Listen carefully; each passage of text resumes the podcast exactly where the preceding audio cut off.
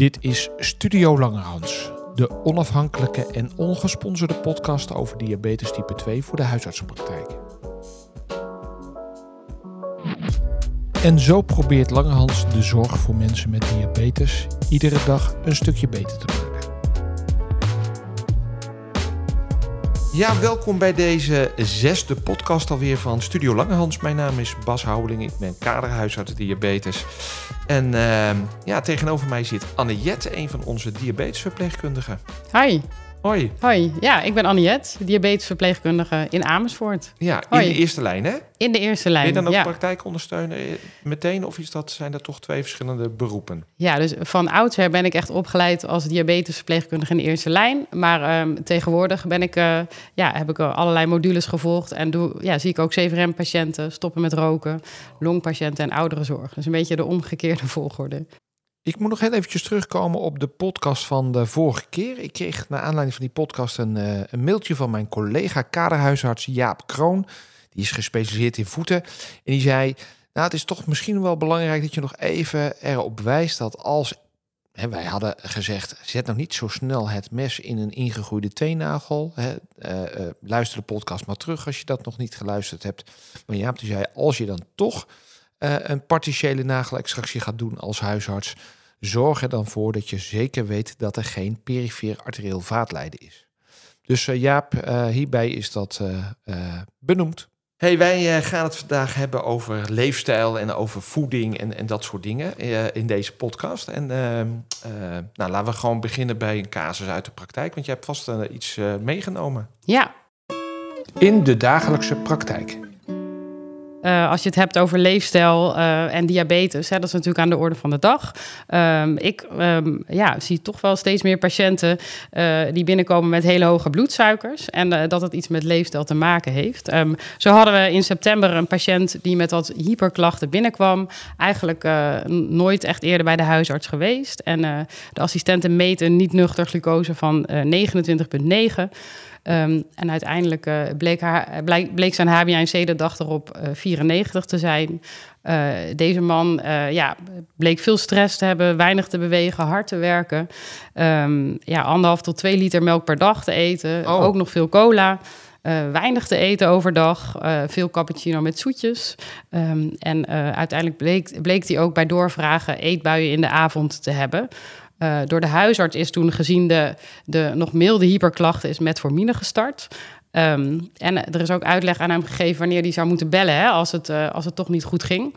Uh, de dag erop was ik aan het werk en heb ik meneer nog even gebeld. Toen kwam ik achter zijn leefstijl eigenlijk, hè, zoals ik net vertelde. Dus dat was op de dag zelf niet uitgevraagd. En ik heb ook deze man uitgelegd wat de leefstijl die hij erop nahield van invloed kon hebben op de diabetes hè, of op de bloedsuikers. En hij is daar heel erg van geschrokken en ook enorm gemotiveerd gelijk om daar iets aan te doen. Um, prachtig natuurlijk. Dus hij is gestopt met melk drinken en cola. Uh, heeft echt uh, geprobeerd het bij water te houden. En uiteindelijk, hè, dat moest eerst op wilskracht, maar daarna hield hij dat toch goed vol. Zijn voeding gaan aanpassen. En uh, het mooie is dat hij dus naast het feit dat zijn bloedsuikers daalden ook veel beter ging slapen, meer energie had, uh, rustigere darmen kreeg en echt mm. veel lekkerder in zijn vel ging zitten. Uh, ontzettend mooi dus. Ja. Um, hij kon het daarom ook volhouden met al die successen, hè, succesjes uh, die hij merkte aan zijn lijf. En zijn bloedsuiker ging ook nog zakken. zijn HbA1c het bleek na drie maanden uh, gezakt te zijn naar 53. En nu recent, een half jaar later, 42 te zijn. Oh. Dus uh, een paar weken geleden hebben we de metformine uiteraard weer gestopt. Klopt. Ja. Ja. hij heeft dus gewoon door al die intake van zoetigheden, melk en, en dat soort dingen is, uh, is de suiker ook behoorlijk gedaald. Ja, ja, nou, ja ik, ik denk dus een combinatie van voeding, maar ook van stress, hard werken, Ja, ja. ontwetendheid. Hè? En misschien best wel een stukje zalmen elke week eten of ook wat gezonde dingen, Ja. maar vooral heel veel uh, gewoonten. Hè? Dus niet, niet goed. Ja. Ja, ja, je moet bij dit soort patiënten natuurlijk wel altijd even goed opletten of die suikers daadwerkelijk naar beneden gaan. Hè? Want er zit natuurlijk ook wel eens van die type 1 diabetes bij. Ja. Uh, daar hebben we nu ook, uh, nou ja, uh, toch wel wat casus van binnen gekregen. Maar goed, ook deze mensen, hè, zo met enorme inteken en, en, en ja, sommige mensen die krijgen natuurlijk dorst, gaan heel veel zoetigheden drinken, Ja. waardoor de situatie er alleen maar slechter op wordt. Precies, precies. En daarom zo belangrijk om dat ook gelijk eh, hè, als eh, zorgverlener eh, te bespreken met iemand. Ja, Precies. of uit te vragen. Wat gaat er eigenlijk in? Ja. Nou ja, en een dus, ja, be- beetje vergelijkbare casus kwam ik van de week tegen op LinkedIn. ja, Dat was een posting van Sebastian van Beek, een huisarts. Met honderden reacties er ook meteen onder. Want die postte een, eh, een plaatje van het HbA1c. ja, En, met, en, en, en ja, hij begon even wat positiviteit voor iedereen met type 2 diabetes die het heeft opgegeven. Voor elke huisarts die het niet meer probeert om de leefstijl bespreekbaar te maken. En voor elke praktijkondersteuner die gedemotiveerd is geraakt. Het kan dus. Elk dieptepunt is een begin. En in dit begin niet met nieuwe medicijnen, maar met zwemmen, gestructureerd eten en flink wandelen. HbA1c van 121 bij een patiënt. Binnen 2,5 maand gedaald naar 46 ja, zonder medicatie. prachtig. Ik heb gisteren die praktijkondersteuner van Sebastian eh, eh, eh, gebeld, Manu. En eh, gevraagd of zij dat even wil vertellen wat ze heeft gedaan. Dus we gaan er even bellen. Leuk, leuk. Ja, Met Manu van Everdink. Ah, Manu met eh, Bas Houweling. Ik zou je nog even bellen voor, eh, ja, over die kazen die jullie op LinkedIn hadden gezet. Wat een spectaculair verhaal. Wat hebben jullie gedaan? Nou, dat was het, eh, dat was het zeker. Ja. Heel veel leefstijl en, eh, en uiteraard natuurlijk medicatie, maar wat we ook wel weer snel konden afbouwen. Ehm, want het was een zeer gemotiveerde patiënt die bij op een spreker kwam bij de huisarts met echt wel typische hyperglycemie klachten. Van vaak plassen, moeheid en dorst. En eh, ja, dat, dat waren spectaculaire uitslagen die Ja. binnenkwamen via het lab. En hoe lang had hij al klachten? Nou, ik denk dat deze beste man al eh, echt al een half jaar eh, met klachten liep. Maar zijn moeheid eh, nam fors toe. En toen heeft hij toch de stap gemaakt om naar de huisarts te gaan. Ja, wat verstandig, ja. Ja. En, en, en, en toen kwam hij bij jou als praktijkondersteuner. En toen heb jij ja, heb je iets magisch gedaan qua dieet? Of, of leefstijl? nou, wat ja, heb ik je, moet wat, zeggen, we zijn... Ja. Wat hebben we gedaan? Dat is misschien wel fijn om te weten. Uiteraard is de medicatie gestart, want deze man die had echt een eh, glucose niet nuchter boven de 30 en een HbA1c van 121. ja. Ehm, maar ja, het belangrijkste is toch echt de kern van het probleem aan te pakken. Hè? Ehm, deze man die, eh, die eh, had last van beweegarmoede, die zat de hele dag. En ook de hele dag onderweg in de auto.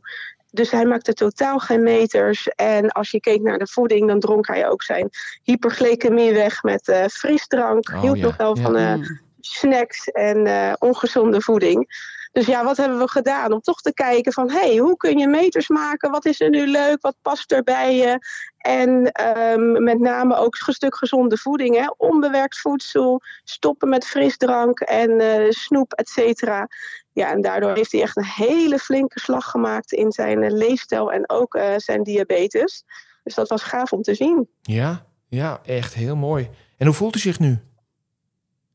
Ja, hij, eh, hij zegt, ik voel me een soort van herboren. Ik heb ontzettend veel energie. Ik ben t- ja, heel gemotiveerd om eh, weer een step down te gaan qua medicatie.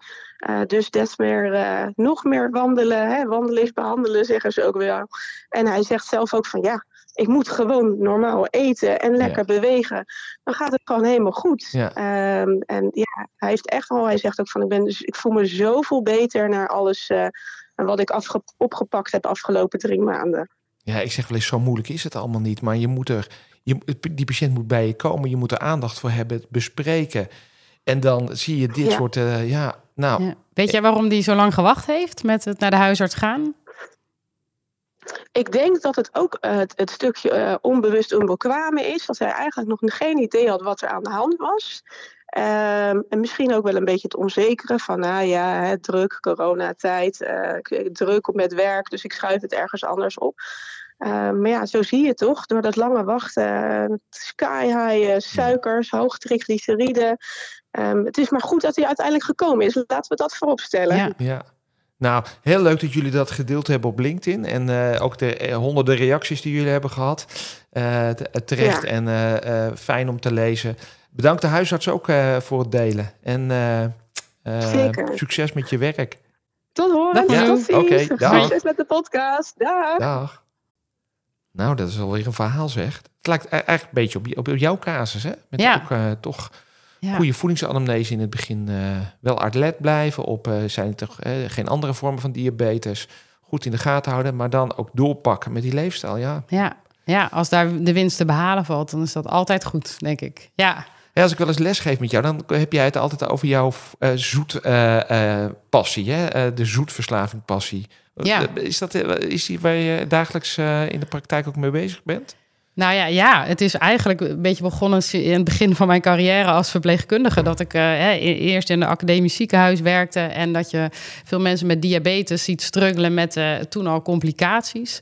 Eh, maar ook tijdens mijn afstudeerstage op Curaçao. Hè, de mensen die daar leven. En eigenlijk soms hele families daar met diabetes zitten. Ja. Ehm, dus ik vond het zo fascinerend. Hè, van waarom lukt het mensen met diabetes, of vooral diabetes, niet om gewoontes aan te kunnen pakken? En waarom krijgen mensen eigenlijk diabetes?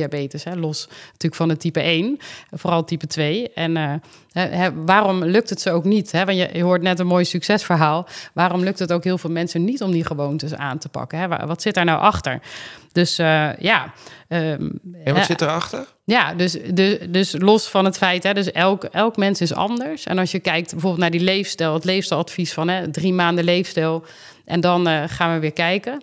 Dat is, dat is eh, als je het mij vraagt, veel te zwart-wit. Ook om eh, hè, dat de ene lukt het heel makkelijk om zijn voeding of leefstijl aan te passen, maar de andere ook helemaal niet. Ook al Nee. weet diegene dat het zo belangrijk is. En ehm, uiteindelijk, ja, sinds ik ook dus mensen eh, begeleid om met stoppen met roken, eh, ja, ontdekte ik eigenlijk steeds meer ook de gelijkenis van eh, het feit dat hè, mensen die roken steeds cravings kunnen hebben om toch weer die sigaret te pakken. De hunkering naar Ehm, de hunkering, ja. naar sigaret. Ja, precies. En hè, dus dat, dat misschien, ja, dat zullen velen herkennen. Hè, de zoete kouwen in je praktijk. ehm, hè, de mensen die dan heel voor je neus zitten, die veel te zwaar zijn, maar toch zeggen: Aniet, weet je wel, ja, dan heb ik goed ontbeten. Maar eh, ja, ik heb echt weer honger om tien uur. En als ik dan niks eet, hè, dan, dan word ik duizelig en dan val ik flauw. Weet je wel? Dus dan, dan moet ik ook echt wat eten. En eh, ja, ik dacht echt, hoe kan dat nou? Want die mensen hebben zoveel reserves. Ja. Hè, van, eh, dat gaat heus niet gebeuren. Nee, dat gebeurt ook niet. Nee. Maar, en hoe komt dat? Nou ja, dus ik herkende daar die, die gravings in. En echt voor, dat het voor veel mensen de afhankelijkheid van zoet was, letterlijk. Hè? Dus zoetstoffen, suikers. Eh, en dat het zo moeilijk is om daarvan los te komen. Eh, maar als, als je het kan signaleren, denk ik als zorgverlener, hè, dat dat speelt. Hè, want ook dat geldt natuurlijk niet voor iedereen. Hè, iemand die rookt, de een kan zo stoppen met roken en de ander die heeft daar heel veel moeite mee en die moet ook nooit meer roken. Want als je één sigaret pakt, dan is het gelijk weer mis.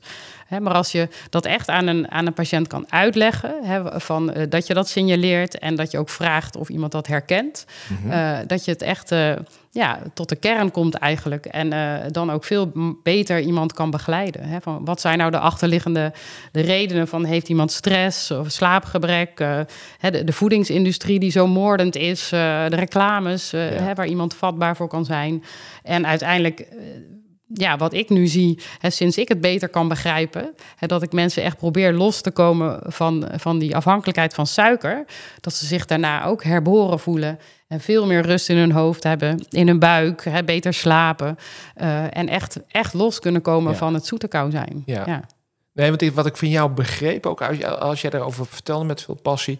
Ja, je kan het wel over eh, groenten en, en, en eh, algezonde en noten en dat soort dingen hebben. Maar als Ja. je dat hele stukje van chocola en, en dingen waar mensen echt naar hunkeren, als je dat overslaat, wat mensen natuurlijk wel snappen dat dat al gezond is. ja. Ja, dan gaan ze naast hun gezonde voeding nog steeds die zoetigheden blijven eten. En dan los je het probleem ook niet op. Zeker, Ja. ja. want zoete kouwen kunnen prima ook gezond eten. Hè? Maar die tussendoortjes of, het, of, het, of toch maar minder gaan eten op een dag... om te voorkomen dat, hè, dat, ze, ja, dat ze te veel calorieën binnenkrijgen. Hè? Soms is, gaat dat zo ver en is het zo extreem... Ja. eh, hè, dat als je daar echt de vinger op de zere plek kan leggen... en mensen dat herkennen... ehm, en het mooiste zou zijn als je daar dan ook de juiste begeleiding... Hè, dus het, naar de juiste persoon kan doorverwijzen. Ja, Ja, dat ze echt geholpen zijn. En, eh, ja. nou, hè. Zo is een expert gaan bellen op dit gebied. Lijkt me mooi. Ja? Ja, wie had Ik, je in eh, gedachten? Nou, ik heb eh, Jaap Seidel gevraagd of, Leuk. die, eh, of we hem mochten bellen. Ja, Ehm, dus eh, ik, we gaan hem bellen. Mooi. Bellen met een diabetesexpert. Ja, hallo. Jaap, met eh, Bas Houweling van Lange Hans. Ja, Wij zouden jou, goedemorgen. eh, goedemorgen, wij zouden jou nog heel even bellen over een paar vragen die we hebben over voeding en diabetes. En ik heb hier tegenover mij Anne Jet zitten en die, eh, die heeft de eerste vraag voor jou. Hi Jaap, ik ben Anniet. Oké, hi. Hi, Eh, ik ben eh, diabetesverpleegkundige in de eerste lijn. En eh, ja, ik, eh, ik heb ook veel te maken met de diabetes. En eh, waar ik eh, de laatste tijd eh, ja, erg ook veel mee bezig ben, is met de mensen in mijn spreekkamer die met een zoetverslaving te maken hebben. En je mag, je mag het op dit moment niet zo noemen, hè, maar je ziet toch vaak dat mensen enorm afhankelijk zijn van zoet en suikers.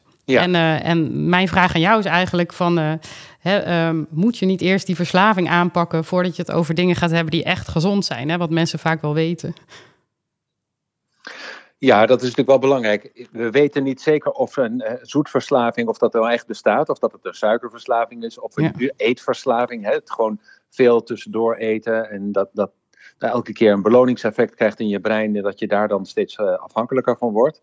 Eh, en natuurlijk moet je eerst ehm, goed aandacht besteden aan ja, hoe ga je daarmee om? Hè? Want als je daar geen aandacht aan besteedt, dan blijven mensen natuurlijk die hang naar zoet hebben en dan vallen ze ook steeds weer makkelijker terug. Ja, Uh, maar hoe je daarvan afkomt, ja, er zijn, er zijn uh, programma's uh, zoals Kick Your Habits, die eigenlijk uitgaan dat obesitas überhaupt een soort van verslavingsziekte is van ongezonde voeding. En dat je op die manier, ook al zou het geen formele verslaving zijn, in ieder geval wel verslavingstechnieken kunt gebruiken om die gedragsverandering te ondersteunen. En die lijken wel erg op zeg maar alcoholverslaving en tabaksverslaving. In de manier waarop je zeg maar, omgaat met verleidingen, met, uh, met beloningseffecten in je brein en uh, moeilijke situaties en dat soort zaken. ja. dus ja, ik zou zeker ook aandacht besteden aan die gedragsmatige kant. mooi. En dan heb je het over een, een Kick Your Habits. Is dat voor patiënten? Ja, dat volgen? is voor iedereen. Ja. Ja, ja. Nou, het is maar een voorbeeld hoor. Ja, maar ik denk dat het dus belangrijk is om. Um, je, we weten dat die hang naar zoet, dat dat deels aangeleerd is, dat is deels aangeboren. Maar je kunt ook dat ontwennen. Hè? Dus de, geleidelijk aan minder zoete dingen gebruiken. Ehm, je hebt het over zoetverslaving, dus dan helpt het niet als suikerhoudende drank wordt vervangen door iets met zoetstoffen, blijkbaar. Precies. Maar ook al als je dat wel doet, dan scheelt dat wel een heleboel in de hoeveelheid suiker en calorieën die je binnenkrijgt. Ja.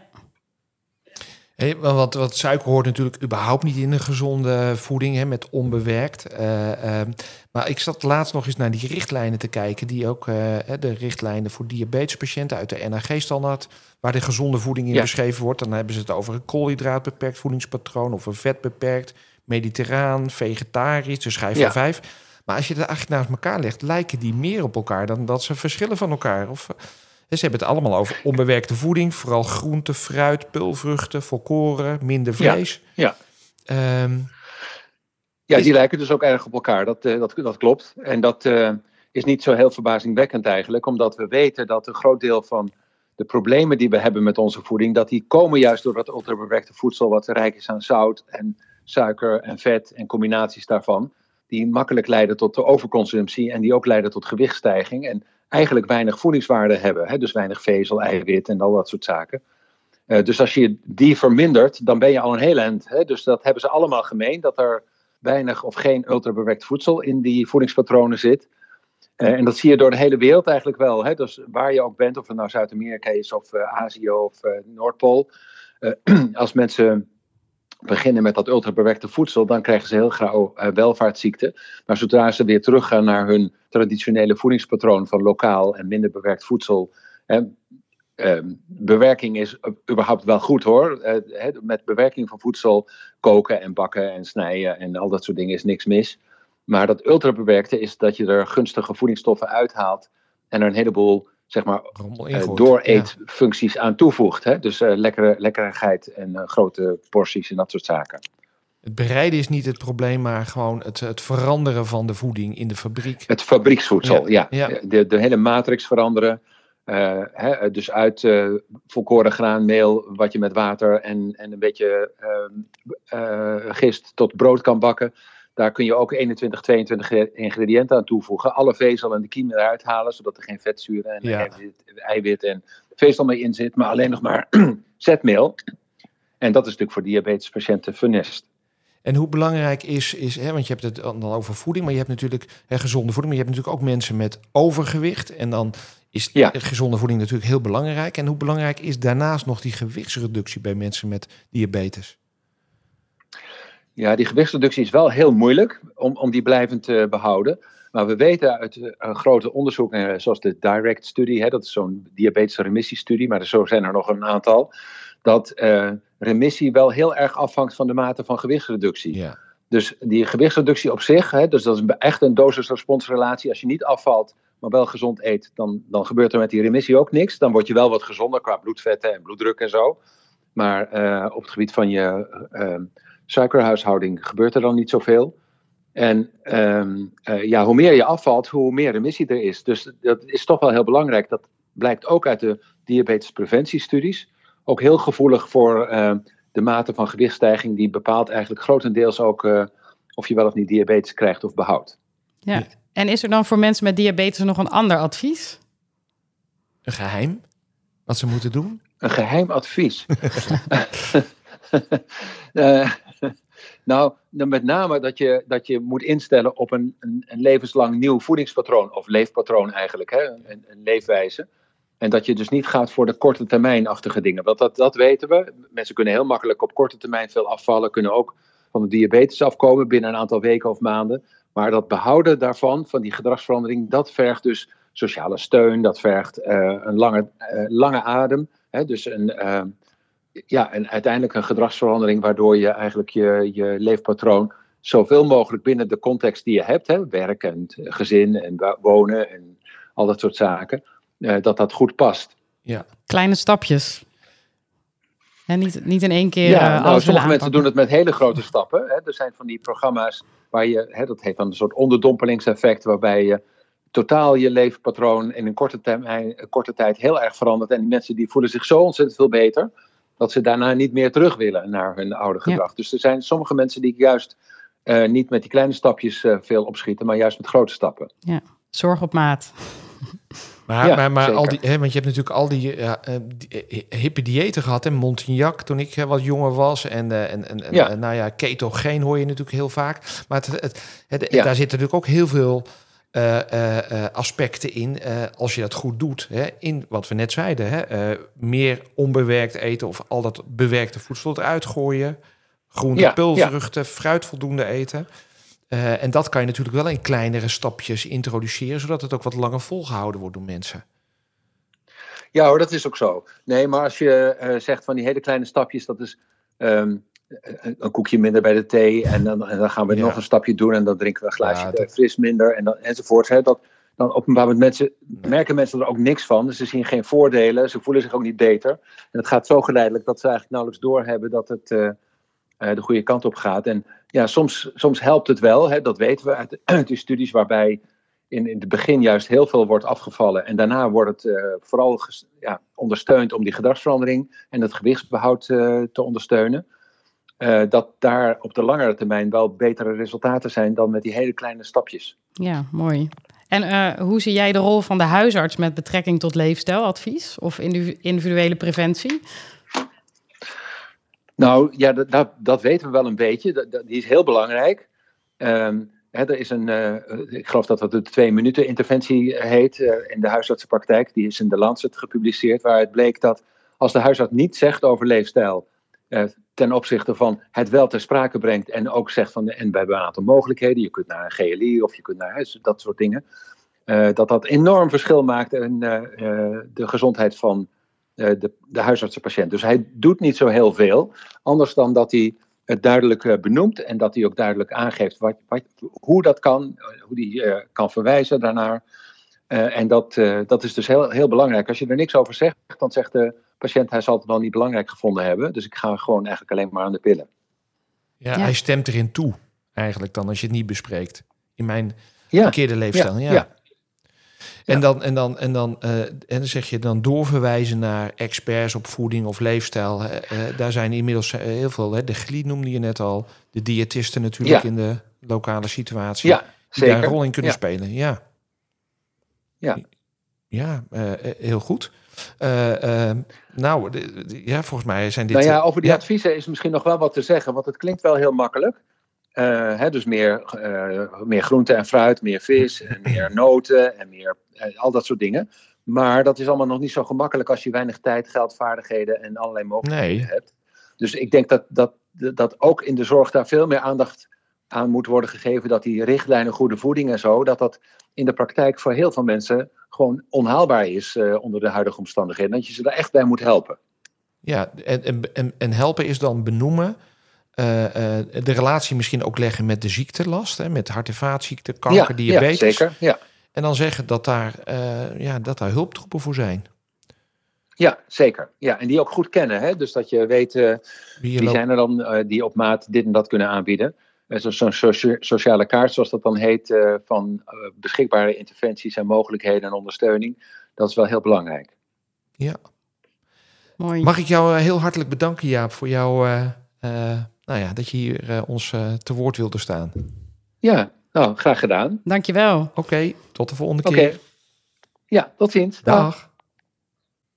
Weet jij wie dat zijn, je, je sociale kaart? Ja. Heb jij, weet jij wie, waar je terecht kan met de glie en de diëtisten en wat ze dan doet? En... Ja, dus ik, ik heb het zeker aardig goed in beeld. Alleen mis je, mis je toch ook nog wat experts. Hè? Bijvoorbeeld op het gebied van uh, hè, die, ja, verslaving, zoals je die mag noemen. Maar echt, uh, echt meer die zorg op maat. Hè? Het is vaak algemeen. Ja. En, uh, en het verandert ook zo snel. Hè? Dan, Ja. er komen steeds meer ja, leefstijlcoaches bij, Ja. glieaanbieders. Ja, ja die, de klik is heel belangrijk, maar ook dat, eh, dat mensen, hè, dat ze, ja, dat ze denken, oké, de- deze persoon weet echt waar het probleem bij mij zit. Hey, zullen we eens kijken of we nog wat in onze vakbladen hebben staan? Ja, lijkt me goed. Diabetesnieuws uit de bladen. Ja, wat heb jij gelezen in de bladen? Ja, nou, ik lees eh, eigenlijk weinig bladen, moet ik zeggen. Eh, eh, Diabetes Pro, het blad, de nieuwe nieuws is nog niet uit. Daarvoor heeft eh, Petra al in eerdere podcast doorgespit voor ons. Ehm, eh, wat mij wel, wat ik recent ja, gevolgd heb, is de, de Arts- en Leefstijlweek. Ehm, die was vorige week. Een congres. Ja, het congres van Arts en Leefstijl. Leuk. Een hele week onderdompelen in leefstijl. En eh, heel veel mooie, eh, mooie lezingen gehoord en gevolgd. En dan heb ik eigenlijk twee dingetjes uitgepikt eh, voor nu. Het eerste is ja, de tool die zij ontwikkeld hebben. eh, het leefstijlroer roer heet dat. Het is een hulpmiddel ter ondersteuning van het gesprek van de zorgprofessional met de patiënt. En eh, het leefstijlroer geeft, eh, geeft handvat om de juiste koers te bepalen voor een gezonde leefstijl. En wat ik dan heel belangrijk vind, is dat je eigenlijk ook de vraag teruglegt bij de patiënt. Hè, dus niet dat je een goed bedoeld advies geeft als zorgverlener, wat natuurlijk prachtig is, maar dat je ook een patiënt zelf laat nadenken van, eh, er, sta- staan volgens mij zes pijlers in. Ehm, op welke pijler zij het liefste, waar zij mee aan de slag wilde gaan. Hè, van voeding en beweging, die kennen we. Ja. Maar ook in het leefstijlroer staat ook ontspanning, slaap, hè, eh, middelen. eh, waar, ze mee, eh, ja, waar ze zich in eh, kunnen herkennen eh, en willen veranderen. En ook de verbinding. Dus eh, het gaat eigenlijk veel verder dan voeding en beweging. En eh, ja, het belangrijkste is dat, je het, eh, dat de patiënt zelf nadenkt en eh, kiest waar hij wil beginnen. Ja. Heb je er ervaring mee in de praktijk? Ik heb hem zelf eh, eh, nu aangeschaft en het is, ik herken er veel in en ik gebruik het leefstijlroer niet, maar meer ehm, het, gewoon, eh, het gesprek met de patiënt. Maar ik, ik vind het zeker een mooie, mooie tool en het is ook heel sprekend of duidelijk hè, voor patiënten om mee te kunnen geven en, en ze ook weer terug te laten komen op je spreekuur. Maar ook voor huisartsen, omdat die natuurlijk beperkt zijn in de tijd. En dat je als je het scheurblok op je tafel hebt liggen, dat je het ook kan meegeven. En ja, daar al eh, mensen mee aan het denken zet. En ook een eerste stap zet misschien in een betere leefstijl. Ja. Of gezondere leefstijl. Ja, Nou, ik had hem zelf ook gezien eh, en ik, eh, ik, ik ga hem binnenkort ook inzetten. Want volgens mij kan je dat bij veel meer problemen in de eerste lijn inzetten. absoluut. Hè? Ja, ja. Dan alleen maar overgewicht of diabetes. Of, hè, maar ook gewoon mensen met psychische klachten. mensen, nou ja, inderdaad, met slaapproblemen. ja. En niet dat het slapen dan voorop staat, maar zijn, er zitten ook leefstijlaspecten die daar een rol bij spelen. Ja, mooi. Ja, Ja. nee, zeker. Ja, en eh, het andere is eh, een lezing van eh, Lisbeth van Rossum, eh, waar ik altijd graag, eh, graag naar luister. En, ehm, en zij heeft mede eh, een website ontwikkeld, eh checkoorzakenovergewicht.nl. En eh, ja, die site is er uiteindelijk voor bedoeld om mensen te helpen ontdekken wat hun eh, overgewicht nou veroorzaakt heeft. En eh, ehm, uiteindelijk ook met doel om eh, ze sneller de juiste hulp te laten krijgen. Ehm, dus ook wel een hele mooie, ja, eh, mooie tool, denk ik, om, eh, om aan je patiënt mee te kunnen geven. Ik zat hem net even in te typen, maar hij staat nog niet helemaal online. Hij is wel binnenkort beschikbaar.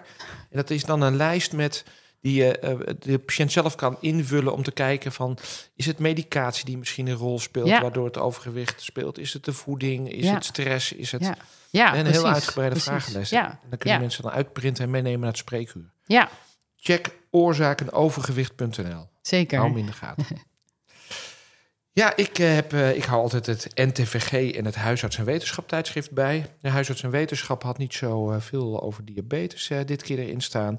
Eh, maar ik kwam het eh, 23 maart nummer van het NTVG tegen... met als thema, totale thema, gezondheidszorg in Suriname. Nou, Hmm. dat was wel toevallig, omdat in die periode onze Henk Bilo...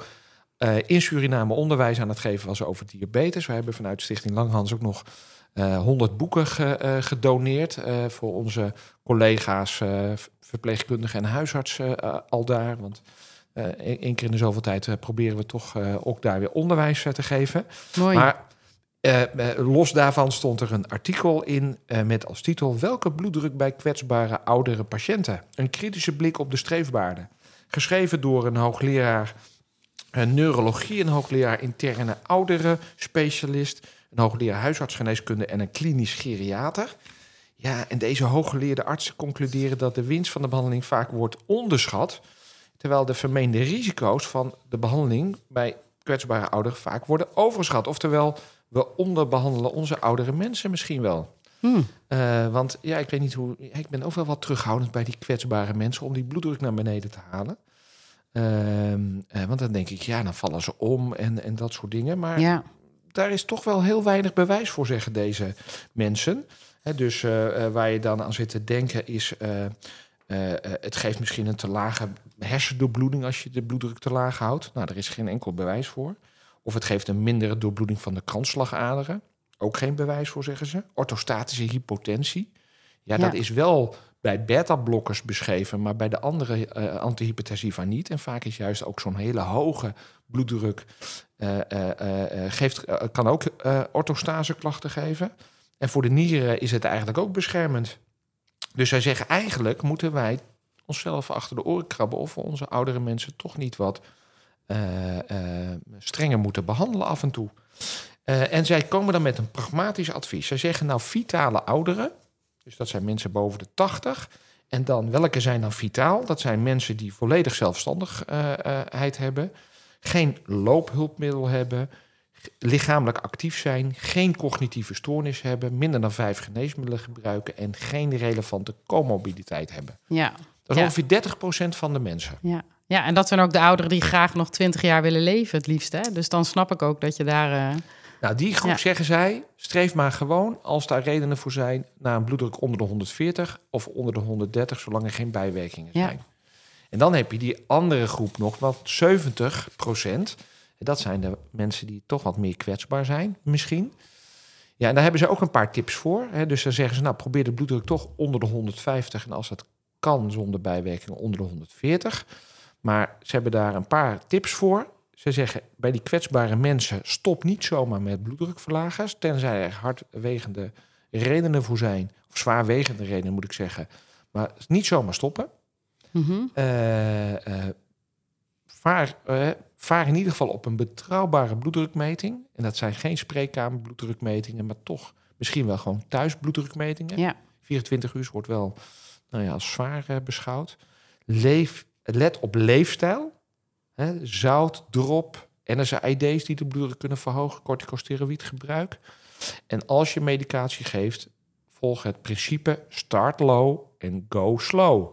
Dus begin laag, lage dosering en hoog Ja. het langzaam op.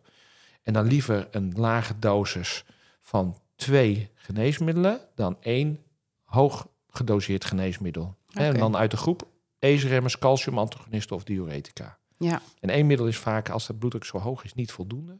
Dan zeggen ze, nou, misschien kan je naar een combinatiepreparaat... waar de twee eh, eh, dingen in een lage dosering in zitten. En 10 mm kwik geeft al significante voordelen bij ouderen... eh, ongeacht hoe hoog de bloeddruk daarvoor was. Dus als je 10 punten bent gedaald, heb je al behoorlijk veel bereikt. ja. Nou, aardig artikel, vond ik. Zeker, ja. ja.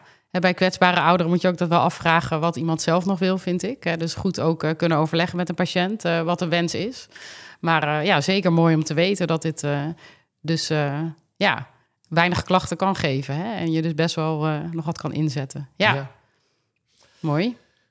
We gaan naar ons laatste onderdeel. We gaan eh, Martin even bellen of er nog een interessante casus eh, op het forum is verschenen. Ja, altijd leuk. Opvallende dingen van het forum. Met Martin. Hey Martin, met Bas. We hebben, Oh, we hebben weer een eh, podcast-uitzending. Het gaat maar door. oké, leuk. Dat is de zesde al, hè? De zesde, ja. En ik begreep dat jij Ja. weer een eh, casus hebt voor ons van het forum.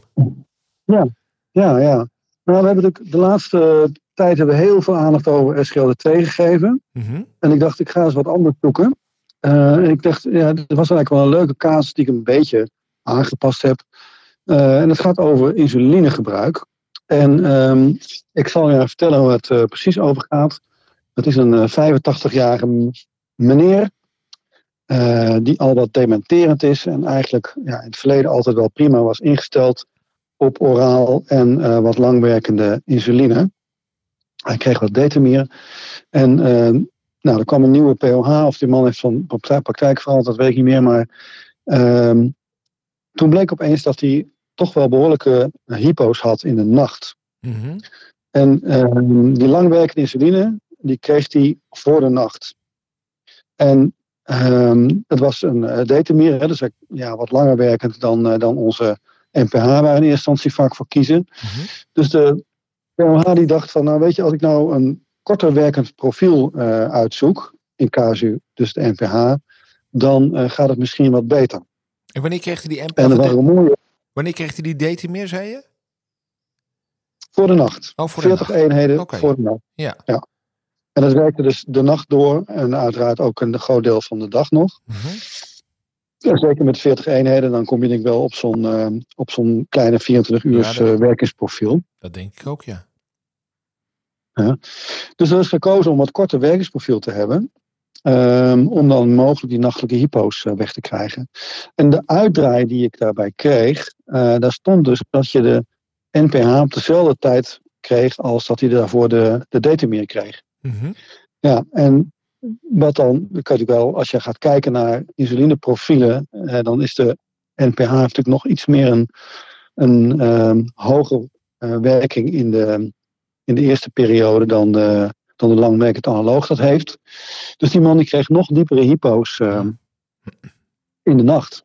Ja, dat zal. Dus ik dacht, ja, dit is eigenlijk een prachtig, prachtig voorbeeld eigenlijk van uh, hoe je een profiel van insuline moet plakken over de dagcurve en dan kijken waar je, waar je uitkomt of wat je nodig hebt. Deze man had dus s'nachts geen insuline nodig. Deze man had overdag insuline nodig. Ja, ja. En dat past ook wel een beetje bij zijn, bij zijn profiel. Oudere baas, uh, al wat langer uh, uh, diabetesduur, meer dan 12 jaar. En een, en een toch redelijk normale BMI. Dus zijn insulineresistentie was niet het grootste probleem, maar zijn insulinedeficiëntie. Ja. Uh, dus hij had s'nachts helemaal geen insuline nodig. Wat, wat had jij gedaan als dat jouw casus was? Um, nou, ook hetzelfde eigenlijk wat de POH in tweede instantie ook wel dacht. Die, uh, die NPH moet dus helemaal niet voor de nacht. Maar die NPH moet of in de ochtend, ja. waarbij je dan uh, overdag een goed profiel hebt. Of misschien heeft hij toch wat s'nachts wat nodig. Dan had je die detamir helemaal niet moeten hoeven veranderen in, uh, in NPH. Dan had je gewoon alleen maar hoeven verschuiven naar de ochtend. Maar goed, er zijn meerdere wegen naar Rome. Er zijn meerdere mogelijkheden. Maar het gaat ook om dat deze man had geen nachtelijke insuline nodig. Maar die had overdag wat insuline nodig. Precies. En als je mooi uittekent hoe je profiel is. En dat, die man had ook een, uh, een FGM. Dus je had eigenlijk al heel mooie curves. Ja, dan kan je eigenlijk prachtig knippen en plakken. En dan kijken van wat heb ik nou nodig op eh, bij, de, bij de hoge waardes om het tot een redelijke normale glycemie te krijgen. Ja. Ja. Uiteindelijk is dat ook nog advies geweest en ik denk dat het zo opgevolgd is. Ja.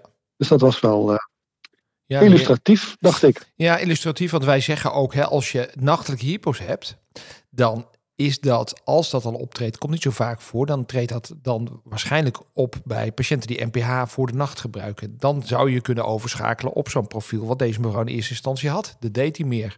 Maar deze mevrouw had dus een nachtelijke Mhm. hypo op deed hij meer. Ja, dan, als je dan omgaat, teruggaat naar de NPH, dan wordt de situatie er alleen maar beroerder op. En dat bleek ook. Ja, Ja. Nou, dat is ook wel illustratief, want het werd ook erger. Ja. Dus eh, in die zin klopt het verhaal ook helemaal. En eh, ja, we hebben het advies gegeven om het naar de ochtend te verplaatsen.